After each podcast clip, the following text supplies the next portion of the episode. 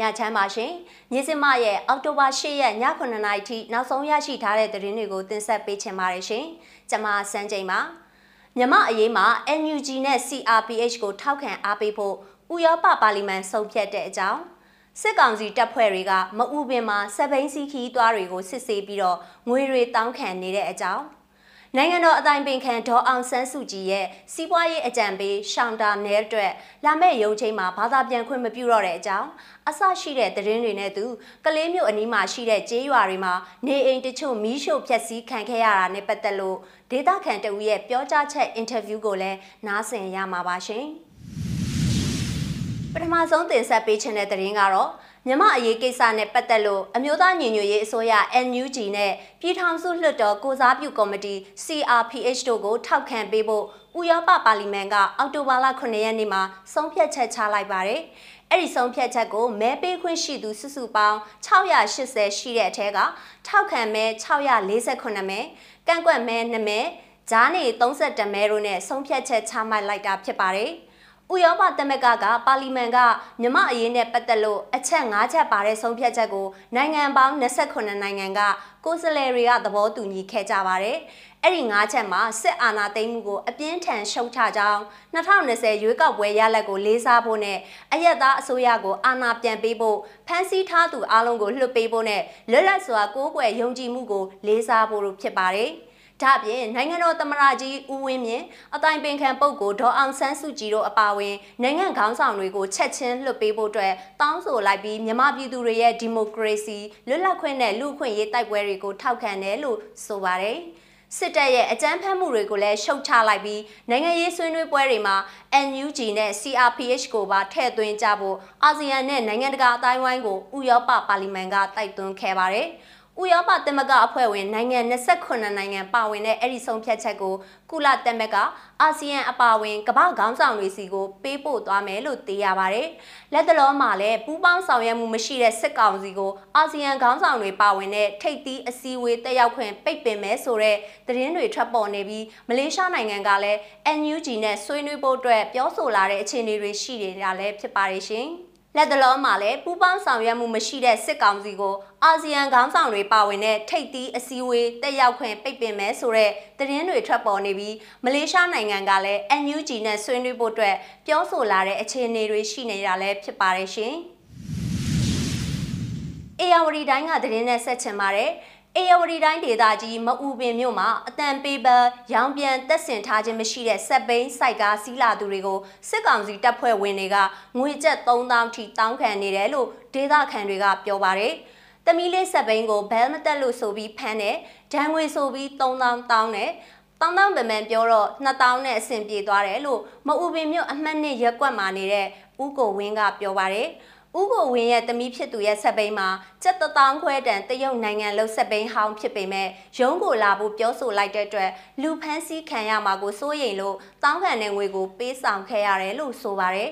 စစ်ကောင်စီတပ်ဖွဲ့ဝင်တွေကမအူပင်မြို့မှာရှိတဲ့ဆိုင်ကယ်တွေကိုဘက်မန်ပါမပါလေးပေါင်ပြည့်မပြည့်စစ်ဆေးပြီးကျပ်3သိန်းထိငွေတောင်းကြောင်းအရင်ကမြို့ဝင်ဂိတ်မှာဖမ်းဆီးမှုတွေရှိခဲ့ပေမဲ့လည်းအခုချိန်မှာမြို့ရင်းလမ်းမကြီးတွေမှာပါ ပိတ်ဆို့စစ်ဆေးဖမ်းဆီးပြီးငွေတောင်းနေကြတယ်လို့ဒေသခံတချို့ကပြောပါတယ်။ရင်စီကံလန်စီကံချိုးပေါက်သူတွေကိုဥပဒေနဲ့ညီဒဏ်ငွေစည်းကြက်အပြစ်ပေးခြင်းမျိုးလုပ်လို့ရပြီးဒဏ်ငွေဆောင်ရင်တရားရုံးမှာဆောင်ရမှသာတိုင်းပြည်အတွက်အခွန်ဘဏ္ဍာရရှိတယ်လို့တရားလွှတ်တော်ရှေ့နေဥခင်အောင်ကြီးကထောက်ပြပြောဆိုပါတယ်။ ဒီလိုလမ်းမှာသားပြီးတော့ငွေတောင်းတာမျိုးလုပ်လို့မရပါဘူးဒါဟာတရားမဲ့ပြုကျင့်တာဥပဒေကိုချိုးဖောက်တာလို့တရားလွှတ်တော်ရှေ့နေဥခင်အောင်ကြီးကပြောပါတယ်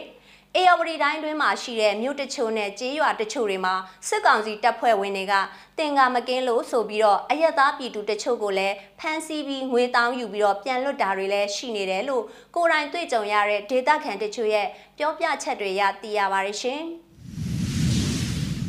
ဆက်လက်တင်ဆက်ပေးချင်တဲ့သတင်းကတော့နိုင်ငံတော်လျှို့ဝှက်ချက်အဥပဒေနဲ့တရားစွဲဆိုခံထားရတဲ့အတိုင်းပင်ခံပုဂ္ဂိုလ်ဒေါ်အောင်ဆန်းစုကြည်ရဲ့စီးပွားရေးအကြံပေးတဦးဖြစ်သူပါမောက်ခရှောင်းတာနယ်ရဲ့လာမဲ့တရားရုံးချိန်မှာမြန်မာအင်္ဂလိပ်ဘာသာပြန်ဆိုသူကိုခွင့်ပြုပေးမှာမဟုတ်ဘူးလို့နေပြည်တော်တရားရုံးတစ်ခုကအောက်တိုဘာလ9ရက်နေ့မှာဆုံးဖြတ်လိုက်ပါတယ်။မမစ္စတာရှောင်းတာနယ်ဟာစစ်တပ်ကအာဏာသိမ်းခဲ့ပြီးနောက်ရွေးကောက်ခံအမျိုးသားဒီမိုကရေစီအဖွဲ့ချုပ်အစိုးရအဖွဲ့တွေကိုဖမ်းဆီးရမှာ သူလည်းဖမ်းဆီးခံရတာဖြစ်ပါတယ်။သူ့ကိုအများဆုံးထောင်ဒဏ်14နှစ်ထိချမှတ်နိုင်တဲ့နိုင်ငံတော်လျှို့ဝှက်ချက်အက်ဥပဒေချိုးဖောက်တယ်ဆိုပြီးတရားစွဲဆိုထားတာဖြစ်ပါတယ်။တရခွင်မှာဘာသာပြန်ဆိုသူတဦးကိုတားမြစ်တဲ့အမိန့်ကိုနေပြည်တော်မှာရှိတဲ့အထူးတရားရုံးတစ်ခုမှာအကြိုကြားနာမှုတစ်ခုမှာထုတ်ပြန်ခဲ့တာဖြစ်တယ်လို့မစ္စတာရှောင်းတာနဲရဲ့ရှေ့နေဦးရဲလင်းအောင်ကပြောပါတယ်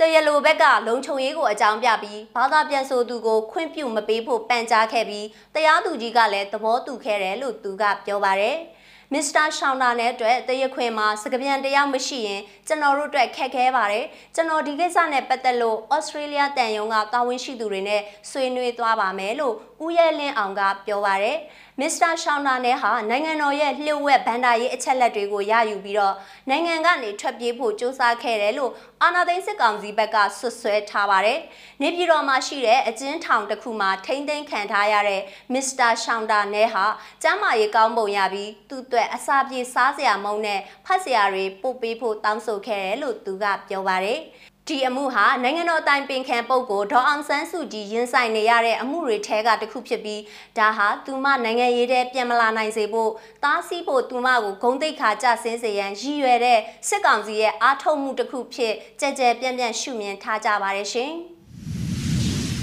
စကိုင်းတိုင်းကလေးမြို့နယ်အတွင်းကထောက်ကြန့်ကျေးရွာနဲ့တာယာကုန်းကျေးရွာတွေကိုစစ်ကောင်စီတပ်သားတွေကဝင်ရောက်ရှာဖွေပြီးအိမ်တချို့ကိုမီးရှို့ဖျက်ဆီးမှုတွေဒီကနေ့မနက်ပိုင်းကပြုလုပ်ခဲ့ပါတယ် အဲ့ဒီကြေးရွာတွေကနေအိမ်တချို့မီးရှို့ခံခဲ့ရတဲ့အကြောင်းဒေသခံတအုပ်ကိုမြစ်စမကဆက်သွယ်မေးမြန်းထားပါတယ်။အင်တာဗျူးအပြည့်စုံကိုနားဆင်ရအောင်ပါရှင်။မနက်ကကျွန်တော်တို့ကံရောထွက်လာခဲ့တဲ့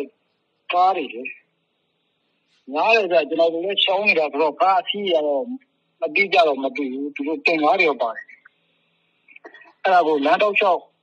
ပေါ်ရအဲ့လိုတနက်တွေပြစ်ဖောက်ပြီးကမှဒါတရားလုံးမီးရှို့ပြနေပေါ့။ အဲ့လိုတွေပြောရင်းပြောရင်းနဲ့ကျွန်တော်တို့ထောက်ကြအထွက်ပေါ့ထောက်ကြအထွက်ကအဲ့စံသက်ယုံကအိမ်ကိုမီးရှို့သွားတယ်ပြီးတော့လမ်းမှာကျွန်တော်တို့ပြည်သူတွေကပေါ့ဗျာလမ်းချောင်းတဲ့လူတယောက်ကိုပြစ်တက်သွားတယ်အဲ့ဒါခေါင်းကိုပြစ်သွားတာထင်တယ်ပြီးတော့ထောက်ကြအထွက်ကကျွန်တော်တို့ထောက်ကြရဲ့အလွန်မှာတာယာဘုံရွာဆိုတာရှိတယ်အဲ့တာယာဘုံရွာလေလောက်ကလမ်းဘေးကအင်တိန်ကိုလည်းမီးရှို့သွားတယ်ပြီးတော့ကျွန်တော်တို့ထောက်ကြကလမ်းဘေးကအိမ်တွေကိုလည်း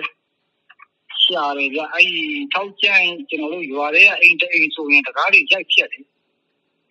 တကားတွေရိုက်ဖြတ်ပြီးအိမ်ထဲတွေဝင်ဝင်ပြီးကမှအဲ့ဒီ TV မသွားတယ်ပြီးတော့ကျွန်တော်တို့သမင်းဦးဟင်းချက်တဲ့ဦးတွေရောမသွားတယ်ဒါဒီလေးထောက်ကျအနေထားပေါ့လေဒါကကုန်းကတော့အိမ်ပါတယ်ဟုတ်သူတို့ကဒီကံကောဘက်ကပြန်လာတဲ့ဟိုဟာစစ်ကောင်စီတပ်သားတွေလား ဟုတ်တယ်ကိုကံဘောကနေကလေးဘက်ကိုထွက်လာတဲ့ဟာမမေးတွေကထွက်ခဲ့တာသူတို့မမေးကလမ်းမှာညှိုက်ကြတာတယ်ညှိုက်ဒီဒီမနက်စောစောမှဒါကျွန်တော်တို့ဒီတောင်ပိုင်းနေဒီကမှကလေးဘက်ကိုထွက်ခဲ့ကြဖြစ်တာကတော့လမ်းတောက်လျှောက်ပြစ်သွားတာအပေါ်ထောင်းထုတာတချို့ကလည်းကျွန်တော်တို့တချို့ကလည်းမှန်တယ်အိမ်နဲ့မှန်တဲ့အိမ်တွေရောရှိတယ်အဲ့လိုတိုက်ပွဲတွေပါမဖြစ်ဘဲနဲ့ဒီတိုင်းရန်တမ်းပြစ်သွားတဲ့သဘောဟုတ်တယ်ဟုတ်တယ်ဗလိုင်းပြစ်သွားတာဗလိုင်းပြစ်သွားတယ်ဆဲတယ် ကျွန်တော်တို့ဟိုတောင်ပိုင်းမှာဆိုကျွန်တော်တို့ဟိုဟာနဲ့နှမ်းခါနဲ့ထဲတော့မီးရှို့ခံတာလေဟုတ်ကဲ့အဲ့ဒါကိုတောက်လျှောက်ပြောတော့တာအဲ့ဟောဟိုပါပေါ့ထဲတော်နဲ့နှမ်းခါကြည့်တာကြည့်ထားကြပါလေဒါထဲတော်နဲ့နှမ်းခါလို့ဒီလိုလုံးမီးရှို့ပြစ်မယ်ဆိုပြီးတော့ကျင်းသားမောင်းလာလုပ်ပြီးတော့မှဆဲရလေရောအဲ့ဒါပြီးတောက်လျှောက်ပြစ်သွားတာပါအဲ့ဒီဟိုဟာဒီဒီထောက်ကျန်းတဲ့ဒီတာယာကုန်းရွာတွေကဒီကလေးမျိုးနဲ့ဘလောက်ဝေးလဲဘယ်နေရာမှာတည်ရှိတာလဲဗျာအဲ့ဒါလေးလည်းပြောပြပါကျွန်တော်ပြောမယ်ကိုထောက်ကျန်းတဲ့တာယာကုန်းကတော့ဆက်ဆက်နေတဲ့သဘောပါကြခဏလေးပဲတွားလိုက်တာပေါ့ တခေါ်တာလောက်ရှိတာပဲကလေးနဲ့ဆိုရင်ကလေးရဲ့ကျွန်တော်တို့တောင်ဘက်ကိုဟိုလောက်ပဲဝေးမှာဗျဆိုင်ကယ်နဲ့ဆိုတော့နိုင်ဘက်လောက်ပဲသွားတာဘယ်လောက်လောက်ဝေးမလဲရှစ်မောင်လောက်ရှိလာပြီဒီတော့တော့ဒီလမ်းပေါ်မှာပဲလေလမ်းမကြီးဟုတ်လမ်းမကြီးရဲ့ဘေးမှာပဲဟုတ်ကဲ့ဒီကံကောလမ်းကံကောကလေးလမ်းမကြီးဘေးမှာပေါ့နော်ဟုတ်တယ်ဟုတ်တယ်ဟုတ်ကလေးနဲ့နီးတယ်ကလေးနဲ့တော့ခဏသွားတာပါခုနကကျွန်တော်ပြောလို့ဆိုင်ကယ်နဲ့ဆိုနိုင်ဘက်လောက်ပဲသွားမှာ ရှစ်မိုင်ဝန်းကျင်လောက်ပဲရှိမှာပါသူကကိုကျွန်တော်ပြောမယ်အခုထောက်ကြံကိုကျွန်တော်တို့ထောက်ကြံကိုအဲ့လိုခုနကကျွန်တော်ပြောလို့ဒါအိမ်ထဲတွေဝန်းရှာပြီးကမှမီးရှို့မီးရှို့ပြီးကမှကျွန်တော်တို့ထောက်ကြံတွေတော့ကိုပြန်ထွက်တော့တာကုန်းကိုရောက်သွားတာကိုအဲ့မှာတာကုန်းအိမ်တိုင်းကိုမီးရှို့လေရှို့ပြီးကမှဒီကလေးဘက်ကိုဆက်တက်သွားကြတယ်ဗျမနေ့ကလည်းတော်တော်လေးထုသွားတယ်ဒီဟိုပေါ့အပေါ်လေးထောင်းထုသွားတာပေါ့လေမနေ့ကလည်းသူတို့ဒီကကျွန်တော်တို့ထောက်ချက်နဲ့တာယာကုန်းဝန်းကျင်ပေါ်ကတာကုန်းရဲ့မြောက်ဖက်နားလေးတို့ ဟုတ်တာကဲ့ယာကုန်းရဲ့မြောက်ဖက်နားလေးမှာကျွန်တော်တို့ GDC ရှိတယ်ကလေးမျိုးလေဟုတ် GDN ကဲ့ကျောင်းရှိတယ်လေ GDN ကျောင်းနဲ့ဟုတ် GDN ကျောင်းနဲ့တာယာကုန်းကြားမှာမိုင်းထောင်လာရှိတော့သူတို့အဲ့ဒါကိုလာရှင်းရင်းနဲ့ဒီဘက်ကလည်းနည်းနည်းတော့ထိသွားတယ်နဲ့အဲ့ဒါကိုကျွန်တော်တို့ဒီထောက်ချက်ဘက်တွေလာပြီးတော့မှရမ်းပစ်တော့လာမျိုးရှိတယ်ဟုတ်တယ်ကိုမနေ့ကကတော့တက်တက်ကြအဲ့ဒါသူ့တက္ကနာဒီနေ့ကတော့တက်တက်မဲ့ကိုလုတ်သွားတာဗျဟို သူတို့ဒီရွာထဲဝင်လာတဲ့အခါမှာကျတော့ဒီရွာသားတွေကဘယ်လိုတွေနေရလဲအဲ့ဒီဥစ္စာလေးလည်းဖြစ်ပြနေပြောပြပေးပါဦး။ဟိုမှာတော့ကြောက်ကိုရှင်ကြတာပဲဒါဘယ်သူမှမနေရဲကြောက်ဘူး။ဘယ်သူမှမနေရဲတော့ဒါတချို့လေသူတို့လာပြီးဆိုတဲ့အတိုင်းကြားကြတယ်ကျွန်တော်တို့အခုဟိုပါပေါ့ကားတွေသုံးမိန်းတွေနဲ့တခြားအဲ့လိုမျိုးတော်တဲ့တွေရှောင်ကြတာပေါ့ဗျဆိုင်ကယ်တွေနဲ့ကြောက်ကြတာပေါ့ကြောက်ပြီးရှောင်ကြတာပေါ့တော်တော်များများရှောင်ကြပါတယ်ကျွန်တော်တို့လမ်းဘေးကလူတော်တော်များများရှောင်နေရွာတွေကဒီတော့ဒါရှောင်ကြတာပေါ့ဗျကြောက်မရောက်တဲ့သူကမတော်တော့ရမ်းပြသွားရင် ကိုကခံမှာဟုတ်ကျွန်တော်ပြောတဲ့အိမ်တအိမ်ဆိုရင်သူကအတော့တိတ်ကြတာဟုတ်အဲ့ဒါကိုအိတ်ချေတကားတွေရိုက်ချိုးတယ်ရိုက်ချိုးပြီးတော့မှအိမ်ထဲဝင်ဝင်ပြီးတော့မှအဲ့ဒီက TV တွေမသွားတယ်အဲ့ဟန်ချက်ချေအဲ့ဟန်ချက်တဲ့ဦးတွေယူသွားတယ်ပြီးတော့ဒါလေးကကျွန်တော်တို့လက်ဖက်ကြောင်လေးတစ်ဆိုင်ရှိသေးတယ်ဆိုတော့သူကမောင်နှမတွေပါလေကျောင်းတဲ့ဆိုင်အဲ့ဆိုင်ရလဲရှောင်းနေကြတာရှောင်းနေကြတော့အဲ့ဆိုင်ကိုသူကအဲ့လိုမျိုးပေါ်ပြဝင်ပြီးတော့မှစားကြတောက်ဆရာတွေဝင်ပြီးစားသွားတယ်လို့လည်းပြောတယ်ဗျ